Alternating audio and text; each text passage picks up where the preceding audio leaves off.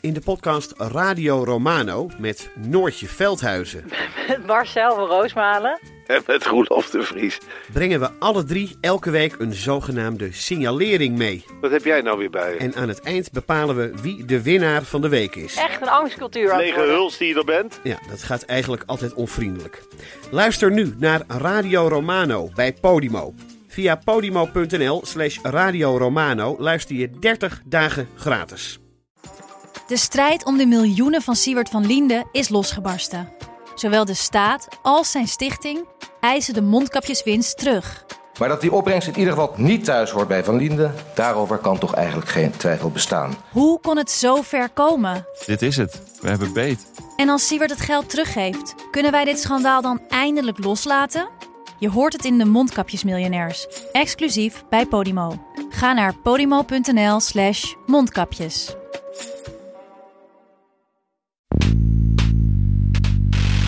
U had vorige week een etentje met bijna al uw voorgangers, de oud-staatssecretaris van Financiën. Wat is de belangrijkste les die zij u meegaven? Ja, ehm, nou de belangrijkste les is vooral, ehm, het is sneller over dan dat je denkt. U staat trouwens maar voor drie jaar aan de lat in beginsel, Ja, als de, als de ja. kabinetsformatie tenminste snel Ja, maar met deze intensiteit telt dat eh, voor het dubbele. Dit is Betrouwbare Bronnen met Jaap Jansen.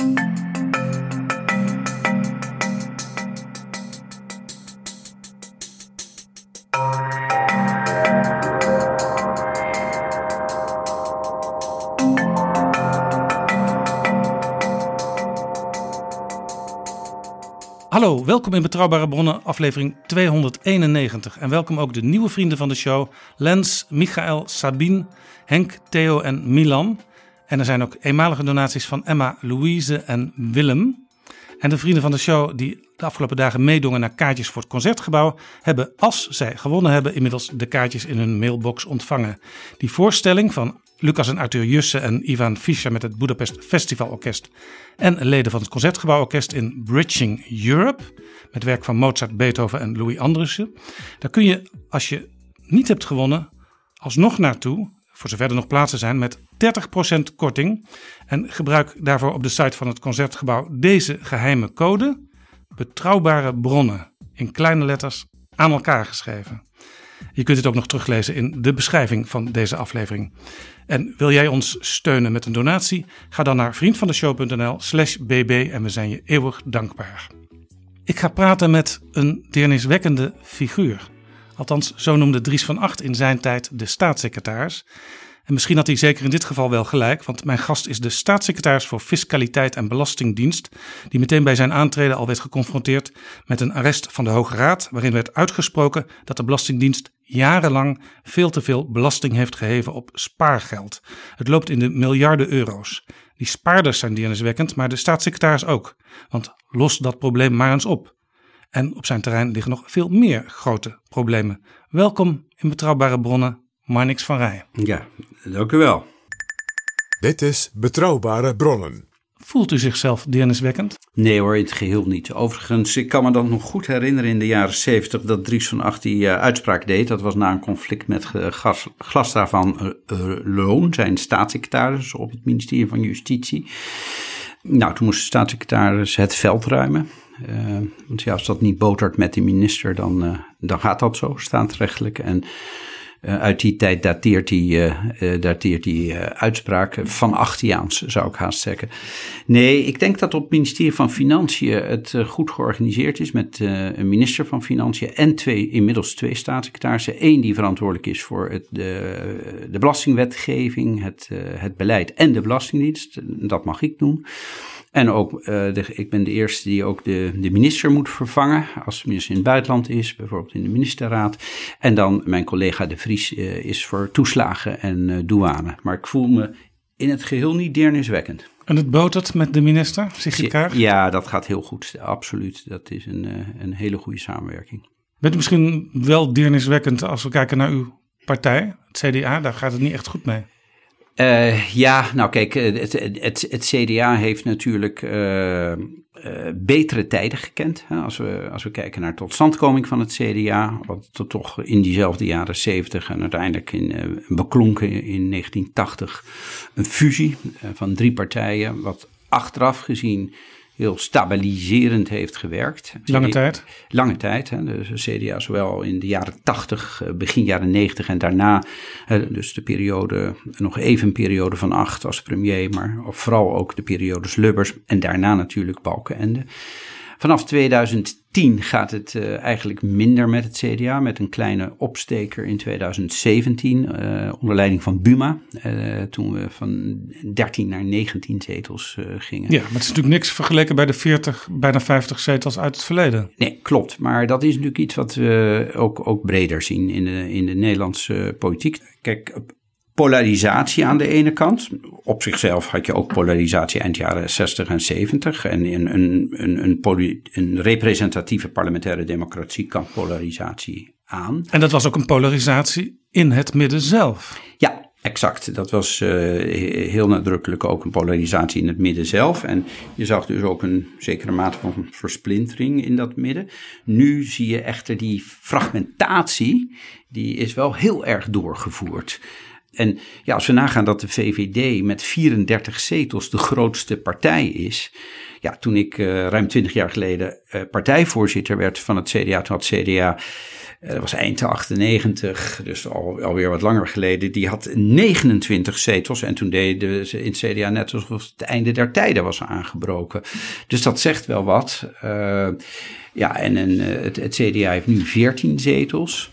Uh, maar uh, wel een, een, een, een, een, een moeilijke fase na zeg maar ook de verkiezingen van 2021 en alles wat eraan vooraf gegaan is en alles wat daar direct daarna gebeurt. Ja, ik kwam een citaat van u tegen de Volkskrant uit 1999.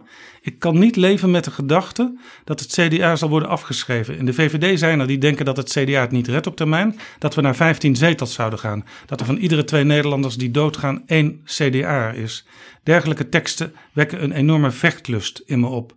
Dit was dus 23 jaar geleden de angst, het schrikbeeld dat het CDA misschien wel eens naar 15 zetels zou kunnen zakken. Nou, dus in feite bij de afgelopen verkiezingen was dat aan de orde. Ja, eh, overigens in die fase heb ik natuurlijk samen met eh, vele anderen een steentje mogen bijdragen. Eh, het nieuw verkiezingsprogramma, mijn voorganger toen der tijd, Hans Helgers, had ook al de lijst vernield. Nou, uiteindelijk is Balken en de komen bovendrijven en toen ging het CDA uit, naar 344 zetels. Nu inderdaad die 14 zetels. Ja, ik heb ook wel eens, nog niet zo lang geleden, ik, over 2009, die gezegd, en ik meen dat ook echt, dat een partij als het CDA ehm, ja, toch echt wel eh, rond, rond de 20 zetels moet, moet halen, minimaal, om een factor van betekenis in de Nederlandse politiek te En dat is nog karig gezien de rijke geschiedenis. Eh, u, u maakte een rondgang langs de afdelingen afgelopen zomer. Wat heeft u daar opgesnoven? Ja, dat, dat is eh, uit eh, grote betrokkenheid eh, met echt de basis van het CDA, de, trouwe achterban. Ik, ja, ik ben van Noord-Limburg, Friesland, Groningen, West-Friesland, Utrecht, uh, Waard, Goeree, Overflakkee, Zeeland en recent in Overijssel. En donderdag ga ik naar Brabant. Ja, ik ben zo verknocht met die partij. ik ben uiteindelijk begin jaren 80 lid van geworden uit overtuiging heb in de gemeenteraad 13 eh, jaar gezeten, meerdere rollen vervuld, fractievoorzitter, wethouder. En uiteraard gewoon begonnen als lid van de gemeenteraad partijvoorzitter mogen zijn, Eerste Kamerlid. Ja, en als je dan ziet dat het niet goed gaat met je partij, kan je twee dingen doen. Uh, ja, kan je, uh, kan je gaan zitten sikkepitten. Uh, nou, vorig jaar ben ik interim partijvoorzitter geweest. En ja, ik vond het toch echt heel nodig om langs die afdelingen te gaan. En, en niet alleen met de boeren, maar ook veel met de boeren. ja, want dat was natuurlijk het grote punt deze zomer. Het, het stikstofprobleem, het stikstofbeleid dat heeft uiteindelijk het CDA ja, toch intern in grote problemen gebracht. Ja, en ik denk dat het uh, vooral is geweest. Uh, en je moet altijd aan zelfreflectie doen. En dat, kijk, ik neem de volledige verantwoordelijkheid uh, als lid van het kabinet uh, voor, voor dat beleid. En ook hoe we dat gepresenteerd hebben. Wacht even. Dat zegt Wopke Hoekstra niet, dat hij de volledige verantwoordelijkheid neemt voor nee, dat maar beleid. ik, ik, eh, dat bedoel ik dus. Ik heb, eh, toen wij de brief vaststelden die 10 juni is uitgegaan. En ook de brief die 15 juli, is uitgegaan. Alleen ehm, achteraf zijn daar denk ik drie dingen waar we, hè, waar we nu in het proces Remkes zitten. Dat is één, we hebben toen niet laten zien wat de visie op de landbouw zou zijn. Eh, dat had Het wel... perspectief werd niet geboden. Klonk Exact. ook in de Tweede Kamer bijna kamerbreed. Exact. Ten tweede, ehm, we hebben bedoeld als kabinet dat we juist ruimte geven aan de provincies om met een gebiedsgebonden aanpak.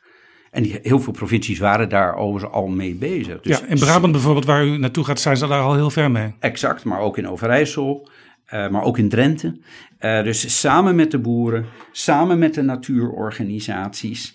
En waarom? Omdat die provincies vaak natuurlijk ook de situatie ter plekke heel goed Ja, kennen. maar dat is ook het beleid. Hè? Dat werd ook meteen Ja. aangekondigd. eh, Op, op die dag dat die vreemde kaart werd gepresenteerd, waar men nu uiteindelijk van zegt dat hadden we niet moeten doen. Maar werd wel gezegd, uiteindelijk gaan de provincies het invullen. Ja, exact. Dat was de boodschap. Alleen de boodschap landde niet als zodanig door die kaart.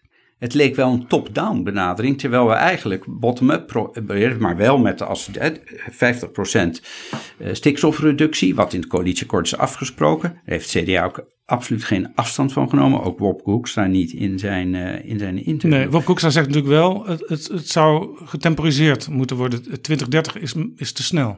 Ja, hij heeft letterlijk gezegd 2030 is niet heilig. Daarmee bedoelend, en dat heeft ook onder meer bijvoorbeeld gedeputeerde Eddy van Heijem in Overijssel gezet. Ga nou beginnen met die gebiedsgebonden aanpak. Je zal zien dat je in heel veel gebieden uh, dat 2030 wel degelijk gehaald wordt. Maar in een aantal gebieden zou je misschien iets meer tijd nodig hebben. Nou, ik heb veel van die gebieden bezocht en iedere keer valt het meer op dat die die kennis bij de boeren, maar ook bij de natuurorganisaties. Ik was laatst in het Betelerveld. Dat is natte heidegrond in Raalte. Dat is een uniek gebied uh, in Salland.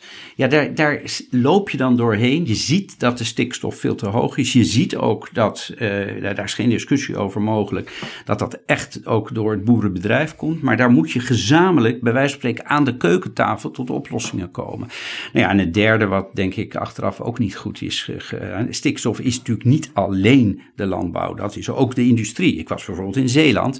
Uh, ja, daar is de, de, de kunstmestfabriek is voor 40% verantwoordelijk voor de uitstoot van stikstof. Ja, ja. Maar niet die boeren waarmee ik aan tafel zat. Die, en bovendien heb je daar heel weinig Natura 2000 uh, gebieden. Ja, kortom, het moet vooral op, op uh, regionaal en soms zelfs lokaal niveau uh, ingevuld worden. Het was dus, denk, denk ik wat u betreft, onvermijdelijk dat Wopke Hoekstra dat interview aan het Algemeen Dagblad zou geven waarin hij deze uitspraken deed. Ja, dat laatste zeker. Maar hij heeft niet alleen daarover gehad. Hij heeft natuurlijk ook over koopkracht gehad. En ja, door de, de, de enorme inflatie en de gevolgen daarvan uh, uh, ja, voor, voor, voor de Nederlandse bevolking. Ja, en ook over het asielbeleid. En, en ook over het asielbeleid. Eigenlijk drie onderwerpen. Ja, en uh, kijk, het is natuurlijk in. We, we begonnen er net met het CDA in de jaren 80, uh, begin 90 en uh, Lubbers, Balkenende. Ja, het zijn van regeringspartij en de premier leveren is natuurlijk een hele andere situatie dan dat je de derde partij in een kabinet bent. En dat wil niet zeggen dat je iedere week zo'n interview moet geven, maar je moet wel pro profiel kiezen. Die achterban moet wel weten waar je voor staat. Premier zei, dit moet niet te vaak gebeuren. Nee, maar daar heeft de premier natuurlijk ook wel gelijk in. Uh, uh, en, en, kijk, het CDA is natuurlijk wel een partij die uiteindelijk ook uh, de oplossingen wil, een, een, steentje wil bijdragen om, om, om de oplossingen tot stand te brengen. Ja, het hangt nu even boven de markt wat er gaat gebeuren. Er wordt gewacht op Remkes. Ja.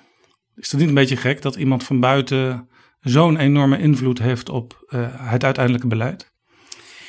Nou, ik denk dat hij, ik, ik, waar wij dus allemaal van geschrokken zijn, ja, dus in het CDA zijn we daarvan geschrokken, maar ook buiten het CDA. Hij reist maar rond door het land. Ik ben door het land rond, dat hebben we nog nooit meegemaakt. Het is gewoon een, een, een, een, een, een opstand. Ja, elke keer slaat die omgekeerde vlag weer in uw gezicht. Ja, of de rode kieltjes, maar daarachter zit iets, hè, want dat is een symbool. Ik heb echt ook met boeren gesproken, leden van onze partij, die zeiden, maar niks, ik heb heel lang getwijfeld of ik die vlag want ja, CDA's zijn ook gezagsgetrouw. En toch heb ik het gedaan. Want het, het, het, het vertrouwen is weg. wat hebben jullie gedaan? Dus ja, dat je in dat proces een buitenstaander zoekt die ook gezaghebbend is om partijen weer bij elkaar te brengen. En om vervolgens te kijken waar. Hè, Remkes heeft natuurlijk in, na het eerste gesprek met de boeren op 5 augustus, wat natuurlijk best heftig verlopen was, twee hele belangrijke dingen gezegd. Hij heeft gezegd: tien jaar lang zwalkend beleid van de overheid, hetgeen zo is. En ten tweede, er is huiswerk aan de winkel voor het kabinet. Nou, dat gaan we dan, uh, dat gaan we dan zien. Maar ik denk dat het wel heel verstandig is. En wij hebben natuurlijk ook. Uh, ja, wij zijn ook op de oplossingen gericht. We zijn er niet op gericht om. Uh, uh, ja, de tegenstellingen te vergroten. Ja. Integendeel. Er is een vacature. Zou het niet handig zijn om Remkes, die nu toch dat hele dossier al in zijn hoofd heeft, te vragen minister van Landbouw te worden? Ja, ik begrijp uw vraag. Uh, maar ja, zo, zo, zo gaat het uh, niet. Hè. Dat is toch echt een plek voor de ChristenUnie. Uh, er dus kan misschien wat geschuffeld worden. We zijn, we zijn in afwachting van, van wat er de, de, komende weken, denk ik, op dat punt gaat gebeuren. Ja, ja. toch nog één vraag over het CDA. hoe komt die partij er weer bovenop? Want de boer-burgerbeweging die staat klaar om veel zetels binnen te halen. Pieter Omtzigt die gaat eventueel met een lijst meedoen aan de verkiezingen. Dat zijn toch rechtstreeks pogingen om in het CDA-bastion in te breken, denk ik. Nou, ik ga natuurlijk niet zeggen dat het, het, het, het, CDA het nu makkelijk heeft. Vorig jaar was een heel moeilijk jaar toen ik interim partijvoorzitter was. Um, hè, dat was toch direct na de Tweede Kamerverkiezingen. Uh, toen heeft het CDA aan de ene kant met de commissie Spies uh, natuurlijk, denk ik, een hele harde en duidelijke analyse gemaakt over wat er allemaal fout gegaan is. Ten tweede hebben we ons toen gericht op, ja, op de strategie, hè, het rapport van Van Zol, de agenda van Van Zol. En ook weer een, een nieuw bestuur, een nieuwe voorzitter, meedoen aan de coalitie, verantwoordelijkheid dragen voor het land. En uiteindelijk bij de gemeenteraadsverkiezingen, daar hebben we verloren overal. Maar we hebben toch ook heel goed stand kunnen houden in heel veel gemeenten. En het is dus nu zaak dat het CDA eh, ook weer bij die provinciale statenverkiezingen. Eh, vooral ook het eigen CDA-geluid per provincie laat horen. Ja. Maar ik ga het niet mooier maken dan het is. Het, het, worden, het worden sowieso uh, lastige verkiezingen. U heeft als interimvoorzitter ook veel tijd gestoken in het bij de club houden van Pieter Omtzigt. Maar is uiteindelijk niet gelukt. Ja, dat heb ik zeker. En ik heb hem ook heel hoog tot op de dag van vandaag. Uh, we kennen elkaar uh, ook goed. Het is, uh, ik vind het heel jammer dat het zo gelopen is zoals het gelopen is. Maar ja, hij blijft ten diepste een echte christendemocraat. De vorige interimvoorzitter Henk Bleker, die werd nadat hij dat was geweest meteen staatssecretaris. Hoort dat bij de arbeidsvoorwaarden als je interimvoorzitter bent bij het nee, nee, kijk, bij mij, was het, uh, bij mij was het als volgt. Ik had een opdracht gekregen tot mijn opvolger benoemd zou zijn. En dat was uh, op het uh, congres van 10 december het geval. En nou, ik had de tickets al geboekt om samen met mijn vrouw naar Sint-Eustatius terug te gaan was van plan om daar uh, een klein beetje uit te rusten en uh, misschien wel weer een boek te gaan schrijven.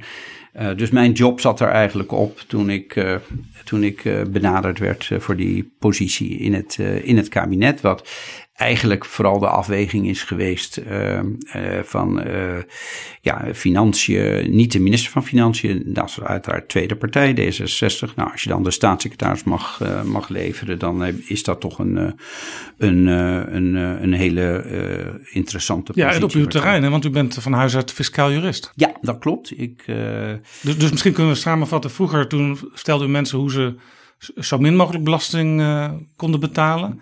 En nu probeert u het systeem uh, eerlijker en eenvoudiger te maken. Ja, maar ook als belastingadviseur uh, heb ik natuurlijk wel meegemaakt dat je vooral die hele ingewikkelde belastingwetgeving zodanig moet uitleggen aan je klant. Want uh, gelukkig hebben we in Nederland nog wel een moraal dat heel veel mensen gewoon belasting willen betalen. Maar ja, daar niet hun hoofdactiviteit van maken als jij ondernemer bent en dan ben je aan het ondernemen. Je wil niet te veel belasting betalen, maar ook niet te weinig. Gewoon dat wat je moet betalen. En uh, in die zin heb ik natuurlijk ja, jarenlang heb ik met de uitvoering te maken gehad, maar dan aan de andere kant. En da daar natuurlijk ook geleerd hoe belangrijk goede wetgeving ja, is. Ja, dus u zag wel soms de sluipweggetjes, maar u zag ook dat het, dat het eigenlijk veel eenvoudiger zou moeten allemaal. Ja, nou kijk, eenvoudiger, dat is uh, dat zeker. En dat is natuurlijk altijd de, de, de moeilijkheid, omdat ook nu, en dan wordt een coalitieakkoord gesloten, daar zit natuurlijk heel veel ambities in, ook fiscaal. En dat zal ook blijken als we met het belastingplan uh, naar buiten komen. Dat gebeurt op Prinsjesdag. Dat gebeurt op Prinsjesdag. Maar tegelijkertijd, en dat vind ik wel een enorme winst. Uh, van dag één heb ik, uh, heb ik gezegd: ja, wetgeving en beleid. Die moeten één op één samenwerken met de uitvoering. Ik wil geen separate kokers binnen dat ministerie. Ik wil ook niet separate voorstellen. En ik wil al helemaal geen voorstellen waarvan achteraf blijkt dat ze uitvoeringstechnisch niet kunnen. Ja, want dat hebben we nu een aantal keren heel schrijnend gezien dat iets was bedacht en uiteindelijk in de uitvoering vastliep. Ja, dat heb ik ook weer in de Eerste Kamer geleerd. Want de Eerste Kamer die, die toetst natuurlijk met name op nut, noodzaak, handhaafbaarheid, uitvoerbaarheid. Maar is ook iets in strijd met het uh, internationale of Europees recht. Dat is misschien allemaal in, in de dagelijkse politieke geweld. Uh, komt dat wat minder naar buiten. Maar dat heb ik echt in de Eerste Kamer gezien hoe, hoe belangrijk het is. Tegelijkertijd heeft de Eerste Kamer eigenlijk weinig bewegingsruimte. Omdat ze geen recht van amendement hebben. Dus ik geloof ik twee keer heb meegemaakt in die vier jaar dat er een novelle uh, werd ingediend wat materieel een recht van amendement is. Ja, soms denkt u dan als Eerste Kamerlid, als lid van zo'n fractie, ja, ik kan hier toch eigenlijk moeilijk mee leven met wat zo'n minister nu voorstelt, maar dan zit je soms ook in een coalitie en dan wordt het toch lichte of zwaardere druk op je uitgeoefend om toch maar in te stemmen uiteindelijk. Ja, of, of, of zoals in de situatie dat CDA nog in de oppositie zat in de Tweede Kamer. Dat was bij mijn medespeech in 2015. Nou, toen is, uh, toen is dat plan gemaakt hè, in box 3 om er een fictie aan toe te voegen. Wat dus allemaal door de Hoge Raad nu is afgeschoten. Nou, daar ja, waren wij... e-, Even voor de helderheid. Ja. Eh, de wet uitgaan van een, van een fictief rendement en daarover werd belasting geheven. En in de praktijk blijkt al heel wat jaren dat dat rendement eigenlijk door, door niemand gehaald wordt. Ja, het spaargeld. ja dat, dat was aanvankelijk de 4 procent, het, het, het forfait. En doordat de rente zo laag was, kon niemand meer die 4 procent halen. Maar wat gebeurde er met dat wetsvoorstel wat in 2015 aan de orde was en 1 januari 2017, daar kwam nog een fictie bij dat als jij meer dan 100.000 aan, uh, aan vermogen had, dan was de fictie dat jij twee derde in aandelen zou beleggen. En daar is iemand tegen opgestaan. Die heeft gezegd: Ja, wacht even, ik heb twee derde in spaartegoeden gedaan. Ik ben een voorzichtige belegger. Dus A, word ik op, basis, op een verkeerde basis in de heffing getrokken, namelijk een fictie, die niet mijn realiteit is. En bovendien een forfait. Wat ja, maar u was een oppositie, dus wat zei u toen in Nou, ik zei dat dat dus heel slecht was. En ik heb ook aangegeven dat dat in strijd was met, uh, ja, met het internationale, de Europese verdrag van de recht van de mens. En dat die fictie zo ver, fictie plus forfait zo ver van de werkelijkheid waren. Nou ja, vervolgens heeft de Hoge Raad die uitspraak gedaan. Maar het punt wat ik wilde maken is, toen moesten wij, hè, dan zou je zeggen, nou dan stem je tegen. Ook als, als fractie die die, eh, die, waar in de Tweede Kamer, eh, godroos ook voor D66 toen, uh, in de oppositie zat. Maar wat was er gebeurd? Dat voorstel, dat was gekoppeld aan het belastingplan 2016. En daar zat een enorme lastenverlichting in. Ja, dat is eigenlijk een politiek trucje. Je koppelt van alles aan elkaar. En dan, dan, dan maak je grote kans als bewindspersoon dat het uiteindelijk wel wordt aangenomen, omdat het nu eenmaal in het pakket zit. Ja, want dan. dan dus, u, dan... dus u doet dat nu ook altijd als staatssecretaris? Nee, dat doe ik niet. Dat, en als ik het wel doe, wil ik er echt op gecorrigeerd worden. Uh, want dat, uh, dat wil de Kamer terecht niet, de Tweede Kamer niet, de Eerste Kamer niet. En ik heb daar in die zin, uh, ja, het parlement is het hoogste orgaan. En ik vind het ook niet juist. Dus dat betekent dat we nu straks ook met een belastingplan komen, maar ook met een aantal aparte wetten. Ja, en dan kan het dus inhouden dat een, een wet soms wordt afgestemd. Je moet niet in dat belastingplan allerlei uh, zaken vermengen. En al helemaal niet als het niet op hetzelfde jaar betrekking heeft, maar een jaar daarna. Daar is overigens toen de motie Hoekstra unaniem voor aangenomen in de Eerste Kamer. Ja, Hoekstra zat ook in de Eerste Kamer, de huidige minister van Buitenlandse Zaken. Precies, en die zat uh, toen bij mij in de fractie. Dat is inmiddels de motie Hoekstra uh, geworden.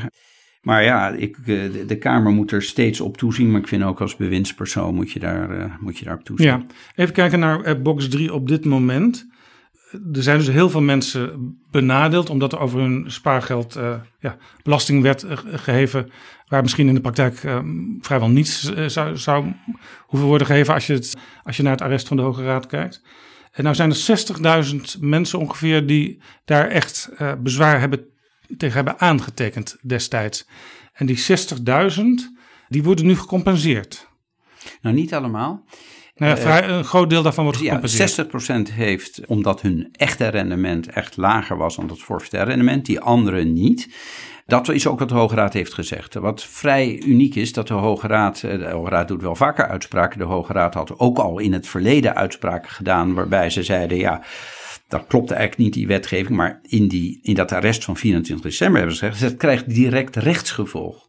Dan heb je vervolgens, hebben wij op 6 februari, hebben wij eh, de bezwaren gehonoreerd. En dan krijg je zes maanden de tijd om die bezwaren af te wikkelen. En dat Ja. klinkt heel Ja, eenvoudig. u noemde het ergens, las ik, een kanonschot. Want u werd Ja. daar natuurlijk in uw eerste dagen als staatssecretaris meteen al mee geconfronteerd. Ja, dus ik heb twee grote, eh, dit is één. eh, en de ander is eh, de fraude signalering. Maar dus we hebben voor box 3 meteen gezegd oplossen. Meteen recht doen aan die situatie. Het arrest opvolgen. Ik heb de Kamer daar ook 15 april een hele uitgebreide brief over geschreven. Ben er ook op alle verschillende scenario's ingegaan. En we hebben ook meteen nieuwe, eh, dus de situatie in 2021 hebben we de aanslagregeling stopgezet voor de mensen die box 3 hebben. En gezegd, die willen we precies zo behandelen als het herstel over die periode daarvoor. Ja. En dat betekent concreet dat je nu geen belasting betaalt vanaf 2021 over je spaartegoed. Ja, dat is, dat, daar wachten we dus op een nieuw systeem wat u aan het voorbereiden bent. Maar dat, dat, daar zit wat vertraging in. Eh, Maar toch even de mensen die benadeeld zijn. Hè? Als ik nou benadeeld ben en ik heb geen bezwaar gemaakt, wat gebeurt er dan? ga ik meteen iets over zeggen. Maar eerst nog even terug naar zegt, ja, u bent met een nieuw systeem bezig. Het punt wat ik wil maken, nee, het is nu al zo. En dat gaat om 42% van de belastingplichtigen. Die hebben alleen maar spaartegoeden. Vanaf 2021 en straks 22, 23, 24, als het parlement daarmee akkoord gaat, en ik zie niet in waarom niet, die betalen geen belasting voor zover ze geen rente hebben. Die betalen alleen belasting over de rente. En dat is eerlijk. Dus in zekere zin zou je dat ook al een vorm van compensatie kunnen noemen. Ja, dus we hebben meteen geluisterd. Nou, we hebben meteen die fout gerepareerd. En nu kom ik op uw vraag terug. Nu heb je geen bezwaar gemaakt. Nou, daar heb ik vier scenario's voor aan de Tweede Kamer gestuurd. Of je, je, je, je, eh, je vergoedt iedereen. Nou, dat kost tussen de 4 à 7 miljard. Uh, of, je doet, of je doet niks, omdat ook diezelfde Hoge Raad op 20 mei jongsleden gezegd heeft: als je geen bezwaar gemaakt hebt op tijd, uh, ja, dan, dan, dan, dan, dan heb je eigenlijk rechtens je kans laten lopen. Maak ik één kanttekening bij. Iedereen heeft op basis van de wet de mogelijkheid om een verzoek tot ambtshalve vermindering in te dienen van zijn aanslag als, die, als het belastingjaar niet langer is dan vijf jaar geleden. Wat wil dat zeggen? We praten hier over het, het laatste jaar, 2017. Iedereen heeft tot 31 december 2022 de mogelijkheid om een verzoek tot ambtshalve vermindering in te dienen. Dan zal hij wel moeten aantonen.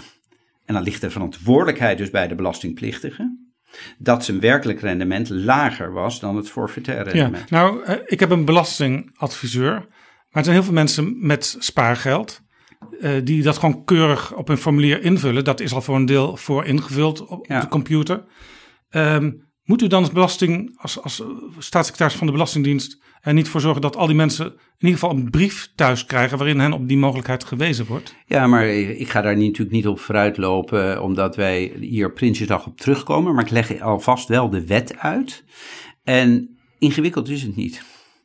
Want als jij bij een van de Nederlandse banken uh, zit, want we hebben precies over die situatie als spaarder. Nou, je kan, uh, je kan zelfs nog digitaal teruggaan. Ja.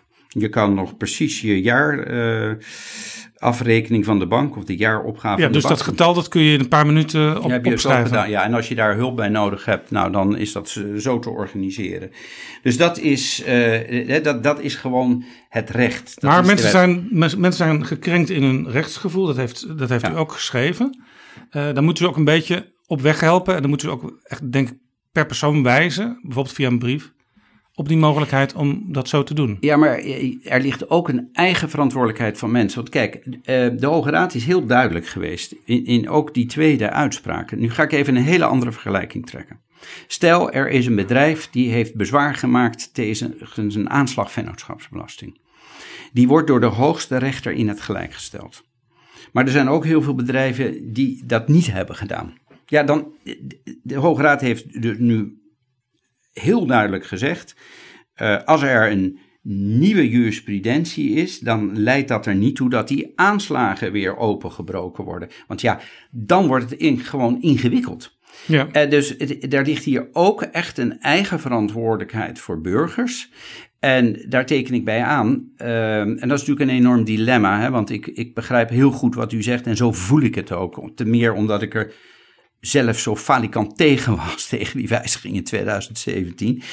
Um, maar er ligt hier echt ook een eigen verantwoordelijkheid. En uh, we zullen dat uh, ja, op, een, op een hele goede manier communiceren. Maar om nu, zeg maar, het alternatief van, uh, en, die, en dat staat in die vier scenario's, 4 tot 7 miljard. Ja, dat, dat is ook wel weer heel veel geld. Ja, het is wel eenmalig. Hè? Uh, dit komt niet elk jaar terug, zoals bij veel andere overheidsuitgaven. Ja, maar goed, er zijn ik, heb, ik, heb, ik heb ook brieven ontvangen van mensen die zeggen, joh, ik, ik, ik wil helemaal niks terug. En dat zijn misschien dan de mensen die ook het zich dat kunnen veroorloven. Maar nogmaals, ik heb alle begrippen voor, dat heb ik ook zo genoemd, in het rechtsgevoel gekrenkt. Waar het om gaat is dat we het oplossen uh, voor het einde van het jaar, daar niet in blijven hangen.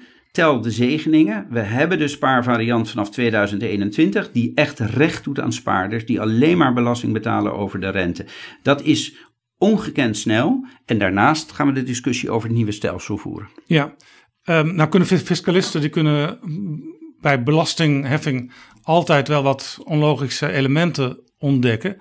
Uh, leidt dit er dan niet toe dat je eigenlijk automatisch als belastingplichtige uh, bij elke aangifte ook bezwaar meteen moet aantekenen. Want dan maak je meer kans in de toekomst als er toch iets verandert in die wetgeving. Nou, daar ben ik het niet mee eens bij de spaarders. Want zoals gezegd, 42% spaart alleen maar. Nou, die hoeft dat helemaal niet. Die, die, die hebben al in 2021 hoeven ze geen belasting te betalen. Overigens 24% heeft voornamelijk spaartegoed en een kleine portefeuille.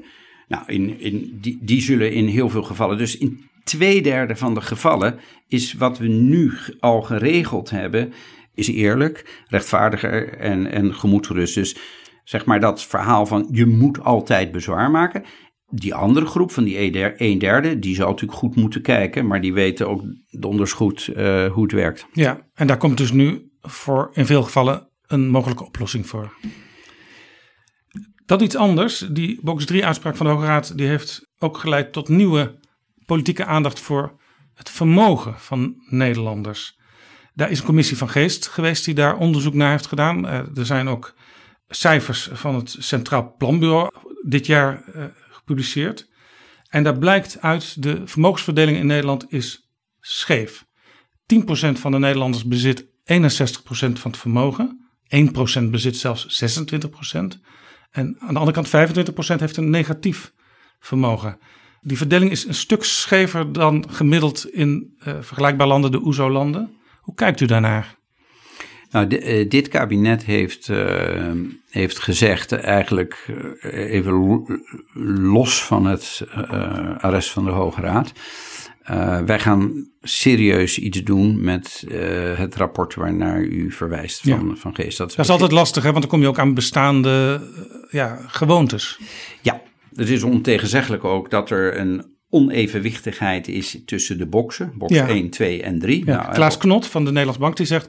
Nederland is een rentenierssamenleving. Er zijn best wel wat Nederlanders...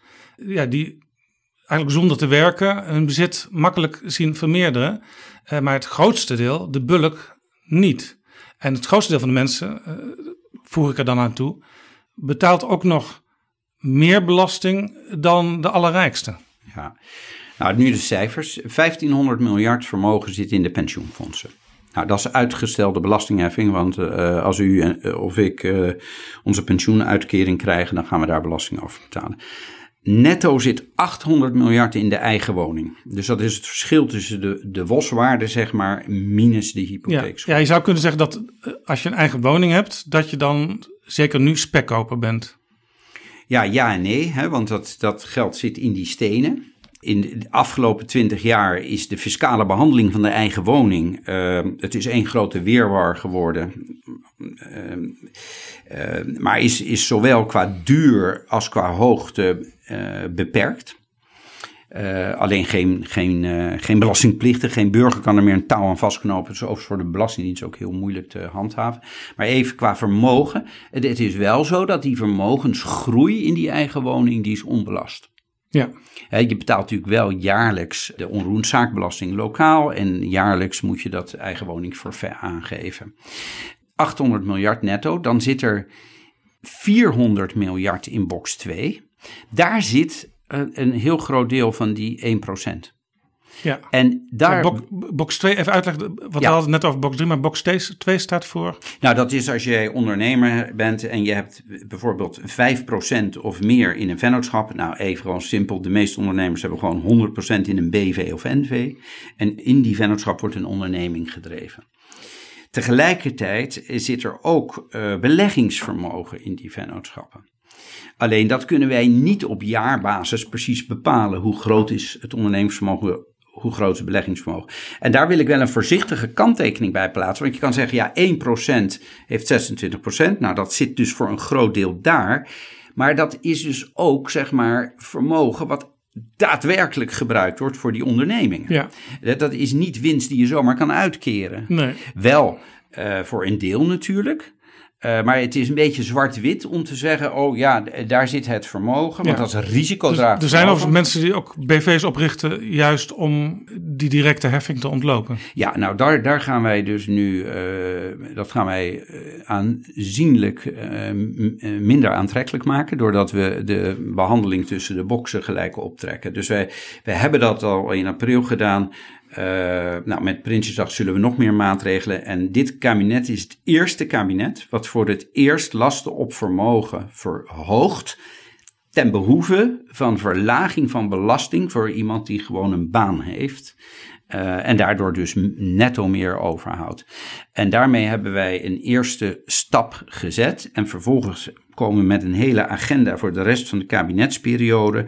Wat wij vervolgens nog gaan doen met de adviezen van, uh, van het IBO-rapport en ook het bestrijden van belastingconstructies. Ja, je zou dus kunnen zeggen dat over een aantal jaren ziet die scheve verhouding er iets minder scheef uit. Ja, ik denk dat al meteen op, uh, op Prinsjesdag duidelijk zal worden dat met, met, met, de, met de grafieken dat we kunnen laten zien dat we echt al een, een forse stap voorwaarts maken om dat weer in evenwicht te brengen. Ja, dus dan moeten we ook een deel van uw eigen achterban, uh, want ook het CDA telt best wel wat vermogende mensen. Moet u dat uitleggen dat er toch van hun vermogen meer afgeknippeld gaat worden? Ja, maar het, het, het CDA uiteindelijk is uh, altijd een volkspartij geweest. Heeft ook het draagkrachtbeginsel heel hoog uh, in het vaandel staan. Niet alleen voor de inkomstenbelasting, maar ook als het gaat om vermogen. En dat, dat heeft ook met rentmeesterschap te maken. Dat verhaal is heel goed uit te leggen. En zeker in de tijden waarin wij nu leven.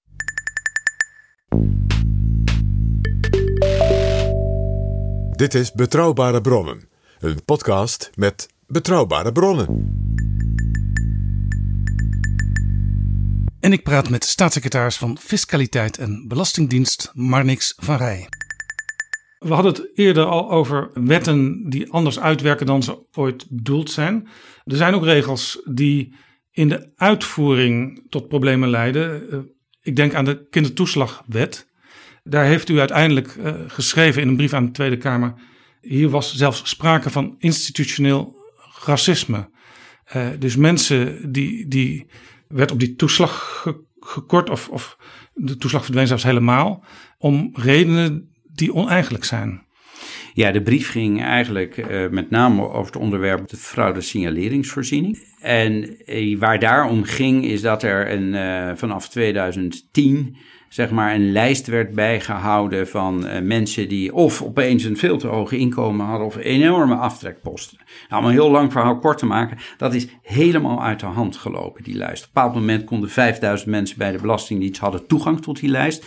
En bij het maken van die lijst, en nou, PwC heeft vijf rapporten daarvoor, dat is nog door mijn ambtsvoorganger, die heeft dat nog ingesteld, die heeft dat helemaal onderzocht. PwC heeft dat helemaal onderzocht. Ja, en toen bleek dus dat ook criteria werden gehanteerd die niks met belastingheffing te maken hebben. Ja. Uh, en dat wil niet zeggen dat dat op hele grote schaal gebeurd is, maar het gebeurde wel. Het, eigenlijk het allerbelangrijkste was, er was niet goed over nagedacht, er waren geen waarborgen. Opeens was dubbele nationaliteit was opeens een criterium. Dat, ja, dat kan dus niet. En vandaar dat wij ook uh, het College voor de Rechten van de Mens eh, die hebben een eh, rapport uitgebracht waarin ze eigenlijk zeggen: kijk, je hebt aan de ene kant uh, racisme. Nou, racisme is een, is een, is een, een ideologie waarbij onderscheid gemaakt wordt op basis van rassen en het ene ras zich En dat is ook volstrekt verboden? Dat is verboden. De institutioneel racisme, daarvan beschrijven zij, in iedere organisatie kunnen er patronen gebruiken. Ja, ingebakken structurele mechanismen, procedures, gewoontes of gedragsvormen, exact. zegt het College voor de Rechten van de Mens. Exact. En uh, dat is dus niet een juridisch begrip. Uh, maar dat is veel meer, wat, hoe zit dat in die cultuur? En, en uh, nou, daar had het vorige kabinet al van gezegd, dat, dat willen wij niet als overheid. Dus wij hebben nu als Belastingdienst de eerste stap voorwaarts gezet en gezegd, dat willen wij ook niet als dienst. En daar hebben we nu een heel programma op gezet. Dus aan de ene kant ook hier weer goed kijken wat er in het verleden gebeurd is. Het verleden oplossen. Maar vooral ook welke lessen trek je eruit? Hoe ga je dat dan nu anders doen als het gaat om uh, toezicht en uh, handhaving en risicoclassificatie. Ja, En daar helpt uh, het rapport van het College voor de Rechten van de Mens heel erg bij. Ja, het is ook een indrukwekkend rapport van het college. Maar u zegt, ja, het is geen juridische term institutioneel racisme. Dus, ja. dus er zeg maar, worden geen mensen in de organisatie persoonlijk op aangesproken. Nou, dat laatste is natuurlijk wel gebeurd van uh, degene die, uh, zeg maar, uh, zich bezig hebben gehouden met die fraude signaleringsvoorziening. Daar zijn natuurlijk wel degelijk gesprekken natuurlijk mee gevoerd, voor zover ze nog bij de Belastingdienst werken. Maar niet dus in de zin van uh, als iemand voor racisme veroordeeld wordt, dan is dat heel zwaar. Dat, dat is hier dus niet aan de orde. Nee, want kijk, de, dat zegt datzelfde college voor het recht van de mens ook. Als je bijvoorbeeld discrimineert en echt in strijd met wetboek van strafrecht. Hè, en er is ook een zaak toen aangespannen tegen de Belastingdienst. En daarvan heeft het Openbaar Ministerie gezegd: Nou, nee, dat heeft zich niet voorgedaan. Uh, net zo goed als je juridisch uh, aangesproken kan worden als je de privacywetgeving niet uh, respecteert. Nou, we hebben natuurlijk ook een forse boete gekregen van de autoriteit persoonsgegevens. Dus ja, het is ook vooral van, uh, dit is gebeurd in het verleden. Dat, dat willen we afwikkelen. En daar waar er ook uh, sprake is dat mensen daar echt schade van hebben geleden, zullen we dat ook uh, zullen we met een tegemoetkoming moeten komen. Maar vooral, wat ga je nou anders doen? Hoe gaat die toekomst? Nou, en daar, daar zijn we binnen de Belastingdienst nu met een heel programma gestart. Ja, de rechtsstaat moet burgers beschermen tegen de almachtige overheid. Dat is op een verschrikkelijke manier misgegaan. Dat zei premier Rutte toen hij aftrad op dat rapport Ongekend Onrecht, dat hierover gaat. In Betrouwbare Bronnen heb ik Jesse Frederik uh, te gast gehad. Die heeft een boek geschreven over deze affaire. En um, hij zegt, ja, de regering is natuurlijk verantwoordelijk, maar de Tweede Kamer wilde uh, deze regeling uh, heel graag. U doet als, als regering, als kabinet aan zelfreflectie. Ja. Ziet u dat ook in de Tweede Kamer? Nou, ik heb het boek van Jesse Frederiks ook gelezen. zo hadden we het niet bedoeld. Een erg goed boek. Uh, Kijk, als CDA, uh, dat, dat is voor als je wat langer meeloopt. Uh, ruim twintig jaar geleden zijn wij de bedenkers van de toeslagen. Ah, het komt dus, van u? Balken, ja, nou ja, niet van mijzelf, maar van het CDA. Precies, ja. het wetenschappelijk bureau. En het kabinet Balken en de 1 was te kort, maar Balken en de 2 heeft het ingevoerd. Nou, is natuurlijk met goede bedoelingen. Dus met name mensen aan de, aan, aan, aan de onderkant, uh, die, uh, die de zorgkosten, de kosten voor kinderen en de kosten van huisvesting, die konden betalen, die kregen een toeslag. Ja, maar hoe kan het dan dat, een, wat u toen een goed idee vond, dat dat toch zo uiteindelijk is een tegendeel is gaan verkeren. Nou, dat zal ik uh, uitleggen. Want in het begin was het zo, en dat, dat beschrijft uh, Jesse Frederik zo goed.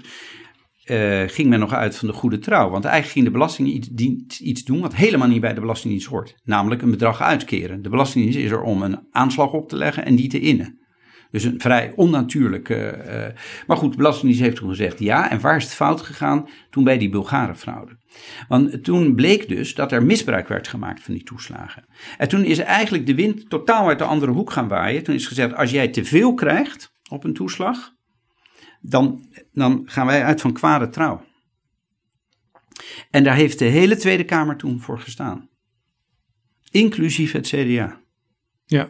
En nooit is er door Kamerleden een zelfreflectie geweest. Wij hebben een verkeerde wet toen gemaakt. Wij hadden dat criterium niet moeten invoeren. Los van het feit dat er door de Belastingdienst fout, los van het feit dat er door de rechter, en daarom heet dat boek ook heel terecht, uh, zo hadden we het niet ja. bedoeld. Ja, dus je zou kunnen zeggen dat de politiek, uh, kabinet, maar ook Kamer, oogkleppen op hadden en ja, dus niet meer zagen wat er feitelijk gebeurde. Ja, en vooral ook dat, kijk, dat je dan door een Bulgare fraude je door de emoties, zeg maar, laten overmannen. En dan dus eigenlijk ervan uitgaat dat iedereen die uh, ten onrechte of een toeslag heeft gehad of te veel heeft gekregen, dat dat een boef is, om het even in gewoon Nederlands te zeggen, dat er van kwade trouw sprake is. En daar is natuurlijk fout gegaan, want dit zijn hele ingewikkelde regelingen waar gewone mensen uh, moeite mee hebben. En, en die kwade trouw, die is er natuurlijk vaak niet. En dat kan zijn omdat ze in problemen zijn of een andere dingen aan hun hoofd hebben, een echtscheiding of weet ik wat. Uh, en dat besef heeft die wetgever toen niet gehad. En die reflectie, die is er onvoldoende nee. geweest. En ik vind dus bij het maken van nieuwe wetten ben ik het helemaal eens met het rechtsstatelijke beginsel. En ben ik het helemaal eens dat we uh, naar de menselijke maat moeten kijken. Maar dan moeten we ook misschien af en toe een stapje terug doen. Of iets niet doen als we een wet maken. En ons vooral niet door de emoties van het moment ja. laten overmannen. Want je kunt jezelf ook um, ja, laten weet niet hoe het in Nederland, Nederlands wordt even niet, maar je kunt ook in overstretch terechtkomen. Hè? Dat je te veel hooi op je vork neemt en het uh, als wetgever uiteindelijk toch dat het niet meer uitvoerbaar is. Ja, exact. En ook dat je misschien, uh, zoals in dit geval, uh, zelfreflectie dan, dat het parlement in die periode 2012-2013 in de overdrive is gegaan. Ja. Naar aanleiding van één fraude. Hij laat ook zien, uh, uh, Jesse Frederiks, in dat boek, dat als je kijkt, ik geloof 0,0001% was het belang van de fraude versus het totaal wat er aan bedragen omging in de toeslagen. Ja, ja u zegt eigenlijk, dat is bijzonder voor een, een bewindsman, de Tweede Kamer moet ook eens toch naar zichzelf kijken, naar het eigen. Ja, dat is, geen kritiek, dat is geen kritiek op de Tweede Kamer. Ik ben zelf ook lid van de Eerste Kamer geweest, dus ik weet hoe ingewikkeld het is om medewetgever te zijn. Net zo goed als een kabinet altijd aan zelfreflectie moet doen, net zo goed als iedere bewindspersoon aan zelfreflectie moet doen, ja, moeten ook de andere instituten in de parlementaire democratie dat doen. Ja, wij hadden in Betrouwbare Bronnen Nina Olsen te gast. Zij is bijna twintig jaar de taxpayer advocate geweest in de Verenigde Staten. Zij, komt op, zij kwam op uh, voor de belastingbetaler. Zij had ook een groot apparaat daarvoor. En zij zei, als Nederland zo'n taxpayer advocate had gehad, dan had die kindertoeslagaffaire waarschijnlijk voorkomen kunnen worden. Want zij zei ook, en dat hoorde ik u net ook zeggen, uh, ja, zo'n groot belastingapparaat is eigenlijk helemaal niet ingesteld op het uitkeren van toeslagen. Ja, dat ene. Ik, ik heb enige ervaring overigens ook uh, uit mijn uh, professionele leven uh, vroeger met de IRS en ook met de Taxpayers Advocate. Ja, u schrijft overigens ook in het regeerakkoord, uh, althans niet u, maar ja. de, de fractievoorzitters hebben dat erin geschreven, dat er in Nederland zo'n taxpayer advocate moet komen. Ja, en ik heb dus in de praktijk ook gezien dat het werkt. Uh, de Amerikaanse IRS is overigens een, een, een, een gigantische bureaucratie. Daar, daar mogen we in Nederland nog blij zijn dat we uh, in de regel toch nog steeds ook gewoon een bereikbare belastingdienst het hebben. Het systeem in Nederland is helderder dan het Amerikaanse. Ja, vind ik wel. Maar de, het, het, uh, zo'n taxpayers advocate is er echt eh, ook voor belastingplichtigen die gewoon helemaal vastlopen eh, in, ja, dat kan een aanslag zijn, eh, dat kan, dat kan een, een conflict zijn en heeft zijn waarde bewezen. Dus wij zijn dat nu allemaal op een rijtje aan het zetten en wij komen in oktober daar met een brief over naar de Tweede Kamer. Ja, wordt dat een onafhankelijke positie ten opzichte van het ministerie van Financiën? Nou kijk, het werkt alleen maar als zo'n persoon, zoals ook Nina Os heeft laten zien, eh, voldoende eh, capaciteit heeft, voldoende mensen heeft, maar ook voldoende doorzettingsmacht heeft. En dat heb ik in de praktijk dus meegemaakt. Dat als je namens een klant een brief schrijft aan de taxpayers advocate, dan is het niet zo dat die taxpayers advocate nog eens eventjes toestemming aan een inspecteur moet vragen. Die gaat er gewoon mee aan de slag. Onafhankelijk. Hè? Dus als je Ja. geen casus hebt. Dus je- vergelijkbaar met wat bijvoorbeeld de ombudsman doet. ja, alleen dan heel erg op de fiscaliteit gericht. Alleen wij zullen natuurlijk moeten inpassen in onze bestaande structuur, waarbij we natuurlijk bezwaar en, en beroep hebben. We hebben inmiddels ook een inspectie voor de Belastingdienst. Het is niet één op één vergelijkbaar met de Verenigde Nee, Staten. misschien dan ook toch even over hebben om die toekomstige taxpayer advocate in Nederland wat werk uit handen te nemen. U bent bezig de Belastingdienst eh, ja, te verbeteren. Eh, maar dat duurt wel een aantal jaren. Hoe lang he- hebben we nog nodig? Nou, en, eh, de, de, de Belastingdienst heeft een meerjarenvisie 2020-2025. Daarin moeten de grote stappen gemaakt worden en, en, die, en die worden ook wel gemaakt. Het is aan de ene kant heeft de Belastingdienst, en dat is ook het gevolg van verkeerd beleid geweest. eh, de Belastingdienst li- liep, kreeg in de jaren 80, 90 allemaal prijzen voor de, de best geautomatiseerde belastingdienst in eh, Europa, zelfs de wereld, geloof ik. Ja, dat is lang geleden, hè, de jaren 80. Jawel, maar dat, dat is het nadeel van, zeg maar... Want de eh, eerste computer werd in gebruik genomen 68. Eind, eind jaren 60. Ja, ja, Maar dat is het, altijd het, het, het nadeel en het voordeel van de first mover. Maar toen is er bezuinigd in 2010. Dus de, wet- de wet van de remmende voorsprong. In de wet van de remmende voorsprong. En die bezuinigingen, die zijn fnuikend geweest. Nou, daar hebben we al- allemaal die toestanden over gehad. Eh, Wekers heeft het geprobeerd, een voorganger. Wiebes heeft het geprobeerd, een voorganger. Maar wat er Ja. twee jaar geleden nu wel Die is waren echt deerniswekkend. nou ja, die hadden het eh, echt. Die hadden het, en ik heb dat natuurlijk vanuit de Eerste Kamer ook meegemaakt. Die hadden het ook echt moeilijk eh, om. om en, nou, en waar zijn we nu? Twee jaar geleden heeft de Belastingdienst meer geld gekregen, ook in dit coalitieakkoord. Alleen, je moet vanuit die IT-systemen, waar het natuurlijk om, om miljoenen en miljoenen en miljoenen aanslagen gaat. Ja, die moeten zo, eh, of het nu voor de inkomstenbelasting is, de omzetbelasting, de vennootschap, Ja. helemaal ja, ik begrijp, er zijn nog eh, programmeertalen in gebruik waar op de arbeidsmarkt eigenlijk niemand meer voor te vinden is. Dat is zo verouderd. Jonge deskundigen die, die begrijpen dat niet meer. Ja, en die zijn we nu aan, in rap tempo aan het veranderen. Maar dat is inderdaad waar. Dat is het Cool Gen eh, systeem wat we hebben. En wat we nu aan het doen zijn... We Cool Gen, wat betekent dat? Ja, dat, dat, dat is de naam van dat pakket. Gewoon een En, eh, bureaucratische term. Precies, dat is een bureaucratische term. Het klinkt cool, maar het is het eigenlijk niet. Maar u, maar u heeft gelijk, want het is... eh, eigenlijk zijn er steeds minder mensen die daar kennis van zaken. Ja, sowieso een probleem, hè? want u wil dit jaar 1400 mensen eh, binnenhalen, eh, nieuw bij de Belastingdienst. Het resultaat tot met juli is 1500, dan denk je dat is mooi. Maar tegelijkertijd is er ook 900 uitstroom. Ja, ja, dus we hebben ook als dienst, hè, dus e- even los van de IT, wat eh, de boodschap die ik wel wil afgeven is, want u vroeg hoe lang gaat dat duren? Nou, dat gaat tot 2025 eh, duren. 2025, 2026. En Wacht even, want dat is interessant. IT. Dit is interessant. Dat, dat gebeurt dan eigenlijk net, want u zegt ook 2026 al erbij. Ja.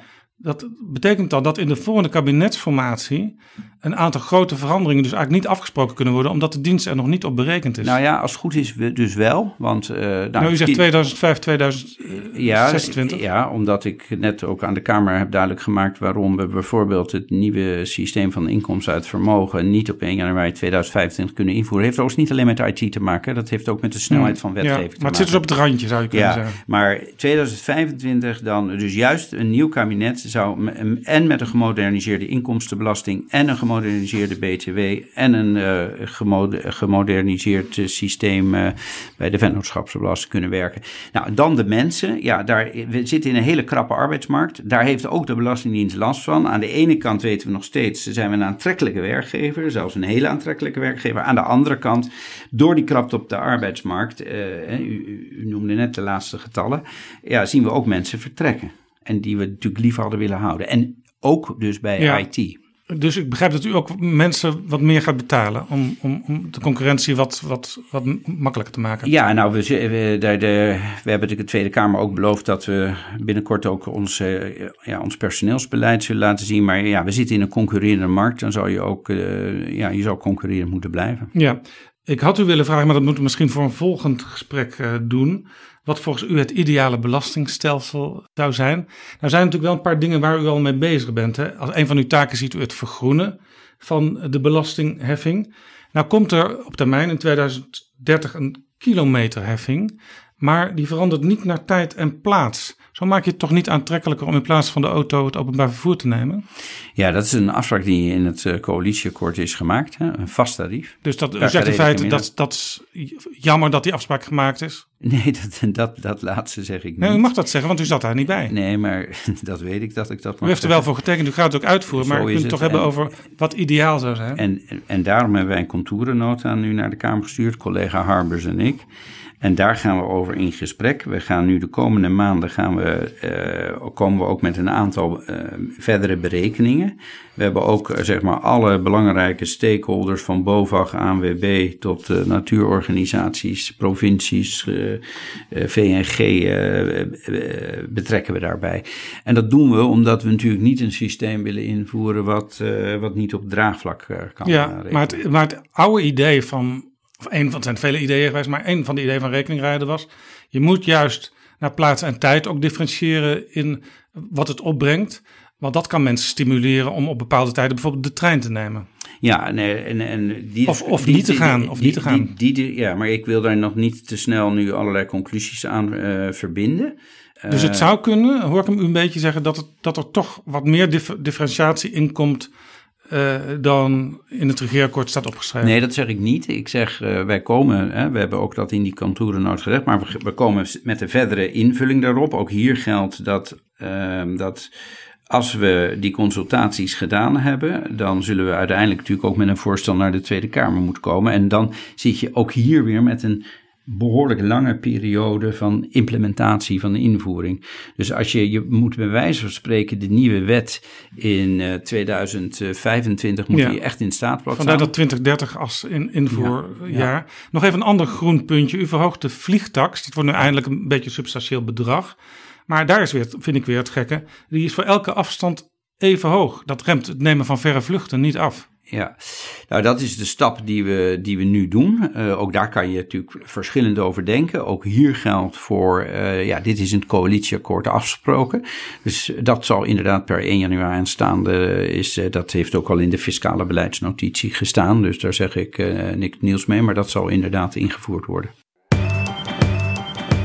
Hoi, Marissa hier van Vriend van de Show. Wij zijn de thuisbasis van ruim 200 podcasts. En ook van de show waar je nu naar luistert. Als je met plezier luistert, overweeg dan eens om vriend te worden. Dat kan al voor de prijs van een kopje koffie per maand. Het maken kost tijd en geld. En alleen met jouw steun kunnen zij onafhankelijk en regelmatig podcast blijven maken. Iedere show begint klein. Dus heb je een duppie over? Ga naar vriendvandeshow.nl en word vriend. Vriendvandeshow.nl Iets heel anders. Doet het kabinet voldoende om naast mensen te gaan staan in deze crisis? Ehm, nou, Prinsjesdag komt er eh, volgende week aan. Ik denk dat, eh, dat wij een enorme inspanning eh, hebben gedaan, omdat we als geen ander zien wat er in Nederland op dit moment aan de hand is. Eh, heel veel mensen zijn in problemen aan het komen, financieel. Dit is natuurlijk een energiecrisis die, nou, ik heb een, als, als puber een energiecrisis meegemaakt, maar ik kan me niet herinneren, hè, ook met hoge inflatie, andere Ja, tijden. Autoloze ook- zondag, 1973. Autoloze zondag, precies.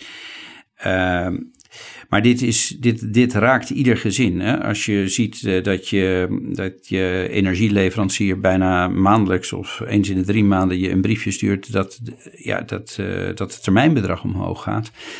En uh, ja, dat netto inkomen, dat gaat niet in diezelfde mate omhoog. Ja. Dus, dus wij zullen, kijk, het is niet zo dat de overheid alles kan oplossen. We hebben aan de ene kant inflatie voor een deel door die energieprijs, voor een ander deel natuurlijk de Ja. basisinflatie. Ja, dat heb ik u zelfs in, in april al horen zeggen. En toen wisten we nog niet eens wat ons nog te wachten stond. Maar toen zei u, 12% inflatie, die koopkrachtdaling valt niet te compenseren. Nee, en dat betekent, je hebt aan de ene kant de centrale bank nodig.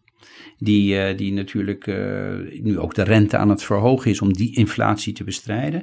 Aan de andere kant, eh, je kan wel wat. Ja. Als, als, O- de centrale bank zegt ook welke maatregelen het Nederlands kabinet ook neemt. Frank Elderson zei dat dit Ja. weekend in, in Buitenhof. Ja. Het kabinet moet wel goed opletten dat het gerichte steun is. Ja. Want anders gaan onze maatregelen van de bank en van de Nederlandse regering tegen elkaar inwerken. Ja, eens. En dat is een, natuurlijk een, een, een terecht dat hij dat heeft gezegd. Dat is een risico. Vandaar ook dat wij in het pakket eh, heel goed kijken wat kan je op de korte termijn, dus incidenteel doen, 2023 gericht.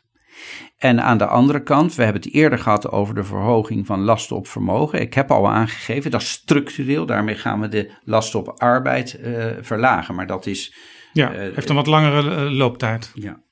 Maar u zegt korte termijn 2023. Ik hoorde premier Rutte afgelopen vrijdag in zijn persconferentie, hij liet doorschemeren dat er zelfs met terugwerkende kracht, dus voor dit lopende jaar 2022, eh, maatregelen genomen kunnen worden. Waar moet ik dan aan denken? Nou, we hebben als kabinet natuurlijk al eh 6,5 miljard eh, Ja. aan maatregelen genomen. Gedeeltelijk gericht, gedeeltelijk wat meer generiek. Daar is ook kritiek op gekomen op dat laatste onderdeel. Waar nu met name om gaat, is, is wat kan je met name doen, waar ik net over had. Hè, Je kan je, je, je kan je rekeningen aan de energieleverancier niet meer betalen. Hè. Eh, Die zitten. Ja, dus mensen met zitten in acute nood. Precies, en die mensen die in acute nood komen of al zitten, Ja. wat kan je daar nog aan doen?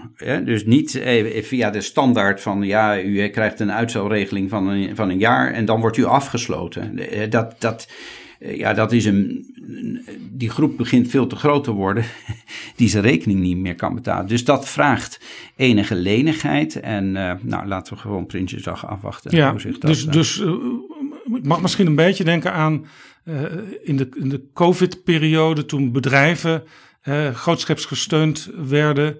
Een beetje vanuit het idee, die bedrijven mogen niet omvallen. Dat we nu eigenlijk tegen gezinnen, tegen huishoudens zeggen, eh, we laten jullie ook niet omvallen. Ja, het is precies, het is meer de, en eh, dat is ook door eh, collega Schouten eigenlijk gezegd. Hè? Hoe, hoe kom je de winter door? Nou, dat Ja. heeft natuurlijk met de afsluiten te maken, want dat, dat is natuurlijk een horror scenario. Hè? Dat, je, dat je je rekening niet kan betalen en dat je gas en elektriciteit wordt afgesloten. Nou, dat moet natuurlijk dan voorkomen worden, maar dat is even makkelijker gezegd dan gedaan, want daar hangt natuurlijk wel ook... Iedereen zal dan een, eh, een duit in het zakje moeten doen, om het maar eens even op zijn Nederlands eh, te Ja, zeggen. en dan komen we bijvoorbeeld bij de eh, energiebedrijven die nu veel profijt trekken van de hoge, hoge prijzen. Afgelopen vrijdag is er ook in, in Brussel over gesproken. En Nederland was tegen een windfall tax, dus voor die bedrijven die bovenmatig profiteren. Maar het lijkt er nu toch van te komen. Hè? In Europa wordt daarover gesproken. Nou ben ik benieuwd, u bent van het kabinet, maar u bent ook overtuigd Europeaan. Hoe gaat u om met zo'n tegenstelling? Ja, nou, ik wacht natuurlijk even af eh, hoe, eh, wat er uiteindelijk echt besloten wordt in Brussel. Hè. Maar stel, stel dat er eh, unanimiteit is om een windfall tax of profit tax in te voeren. Zonder nou de techniek in te gaan, dat klinkt heel makkelijk, maar dat is het natuurlijk niet. Wij hebben, eh, hebben natuurlijk als kabinet al een brief aan de Tweede Kamer gestuurd. Wat wij in Nederland bijvoorbeeld wel hebben, is een mijnbouwheffing. Dat is voor de, voor de bedrijven die eh, olie en gas exploreren en winnen. Ja. Nou, die kan je daar met een aanvullende heffing, eh, hebben we gezegd, dan ben je gericht bezig.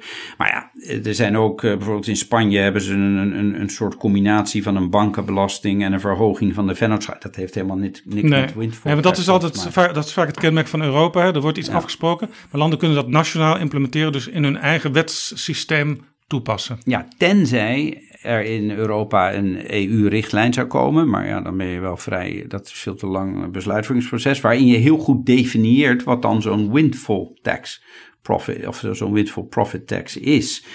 nou, dat gaan we zien of dat lukt in uh, Brussel. Wij zullen als kabinet natuurlijk ook op Prinsjesdag uh, bekendmaken wat wij wel of niet gaan doen. Ja. En dan gaan we daar debat over aan in het parlement.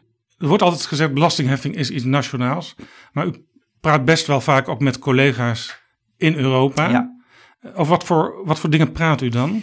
Nou, de laatste tien jaar is, uh, heb je natuurlijk toch gezien, eigenlijk na de financiële crisis heb je gezien dat uh, de OESO met een heel uh, groot pakket kwam om belastingontwijking door multinationals te gaan. Ja. En toen heeft de EU iets heel goeds gedaan. Die hebben toen eigenlijk gezegd, ja, dat is, dat, dat is mooi dat de OESO dat heeft gedaan, maar dat is multilateraal. Wij als EU gaan nu elementen daaruit overnemen in richtlijnen, zoals ik net zei, zodat dat in de hele EU van Ja. toepassing Het is. was overigens voor Nederland eh, historisch gezien best wel een stap. Hè? Ja. Want in het verleden hoorde ik altijd, ja, wij hebben heel veel brievenbusfirma's in Nederland, maar daar houdt uiteindelijk eh, Nederland ook wel wat aan over. Als je dan ging kijken wat die bedrijven dan in Nederland achterlieten, dan was dat heel weinig. Maar goed, iets is meer dan niets. Maar nu zegt Nederland, nee, we zijn blij dat dat internationaal en zeker in Europa wordt aangepakt. Ja, Nederland heeft in de kabinetten Rutte 2, 3 en ook weer 4 uh, loopt daarin voorop. Die erkenning krijgen we nu ook van de Europese Commissie.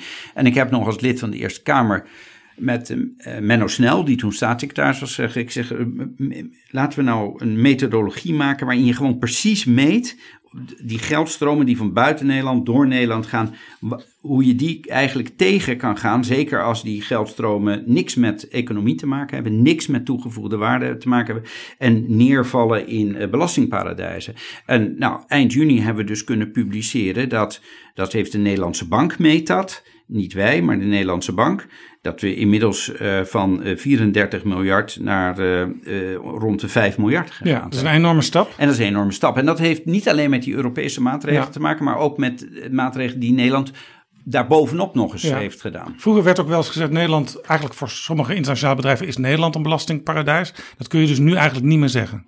Nee, dat is, uh, ik, ik, ik uh, overigens heb uh, nooit gevonden dat Nederland, Nederland als zodanig een belastingparadijs, maar we hebben het over de Nederlanders zelf natuurlijk niet. Nee, precies, maar die belastingontwijking, hè, die, waar, waar, ik net een voorbeeld van gaf, ja, die moet je helemaal niet willen. Dat heeft ons ook echt in die zin schade berokkend in onze reputatie. Maar dat is nu voorbij. Ja. Wij lopen nu in de frontlijn. Nog één Europese vraag. Bondskanselier Olaf Scholz die wil af van een aantal veto's in Europa. Nederland wil dat ook. Bijvoorbeeld het buitenlands beleid wil Nederland af van het veto. Uh, maar Scholz zegt, ik wil dat ook graag als het gaat om belastingen. Is dat een goed idee? Um, nou, dat, daar, moet je, dan, moet er, dan moet er wel iets gebeuren. En dat is, um, uh, daar zou je het verdrag voor moeten aanpassen. Of je moet een bepaling in het verdrag uh, gebruiken waarin je dat met z'n allen weer besluit. Nou ja, er hoeft er maar één tegen te zijn en het, en het ja. gebeurt niet. Nee, maar goed, het Europees verdrag heeft u het Ja. over. De vraag is eigenlijk, vindt Nederland uh, dat uh, het veto kan verdwijnen op belastingterrein? Juist omdat Nederland vaak gezegd heeft, uiteindelijk is het een nationale aangelegenheid. Ja, maar dat is, dat is te, te zwart-wit om dat te zeggen. Want die bepaling staat er natuurlijk niet voor niets in in het verdrag. Want het heeft ook gewoon te maken met ja, een stukje soevereiniteit wat je als lidstaat hebt uh, over Ja. je eigen belastingheffing. Dat gezegd hebbende. Maar dat zijn zeiden, er- dat zeiden we destijds ook over het buitenlands beleid. ja, dat gezegd hebbende, zijn er situaties denkbaar dat je dat, uh, dat, je dat unanimiteitsvereisten, de, de afhalen van de veto, dat je dat bespreekbaar wil hebben. Ja, wel degelijk. Uh, we hebben afgelopen vrijdag heeft Nederland, dat heeft minister Kaag namens Nederland ook een verklaring uh, getekend dat wij, als het gaat om het invoeren van een minimumwinstbelasting van 15%, dat wij dat dermate belangrijk vinden. Dat we gaan natuurlijk streven naar unanimiteit. Ja. Maar als dat niet lukt, ja, dan zullen we ook naar andere mogelijkheden moeten kijken. Ja. Helemaal tot slot. U had vorige week een etentje met bijna al uw voorgangers, de oud-staatssecretaris van Financiën. Wat is de belangrijkste les die zij u meegaven? Ja, um, nou de belangrijkste les is vooral, um, het is sneller over dan dat je denkt. Dat is ook voor degenen die dit vier jaar gedaan hebben. Ja, u, u staat trouwens maar voor drie jaar aan de lat in beginsel. Ja, als de, als de ja. kabinetsformatie tenminste snel Ja, is. maar met deze intensiteit telt dat uh, voor het dubbele. Um, gen, uh, geniet ervan.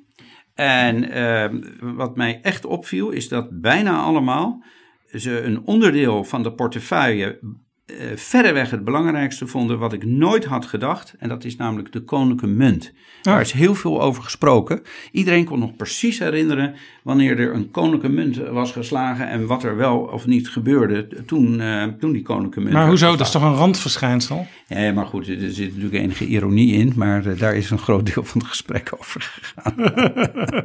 maar goed, het is zo voorbij, zeiden ze. Ja. Ze hebben niet iets gehad van let nog eens daar en daar op, want uh, voor je het weet uh, stink je daarin. Nee, maar dat zijn adviezen die ik ook voor die tijd al uh, wel heb gekregen. Gevraagd en ongevraagd. Ja, en uiteindelijk moet je, moet je het natuurlijk wel ook gewoon zelf doen. En ja, dat, dat doe ik. ik. Ik doe mijn best en ik doe dat naar eer en geweten. Mag ik u hartelijk danken voor dit gesprek. Ja, graag gedaan.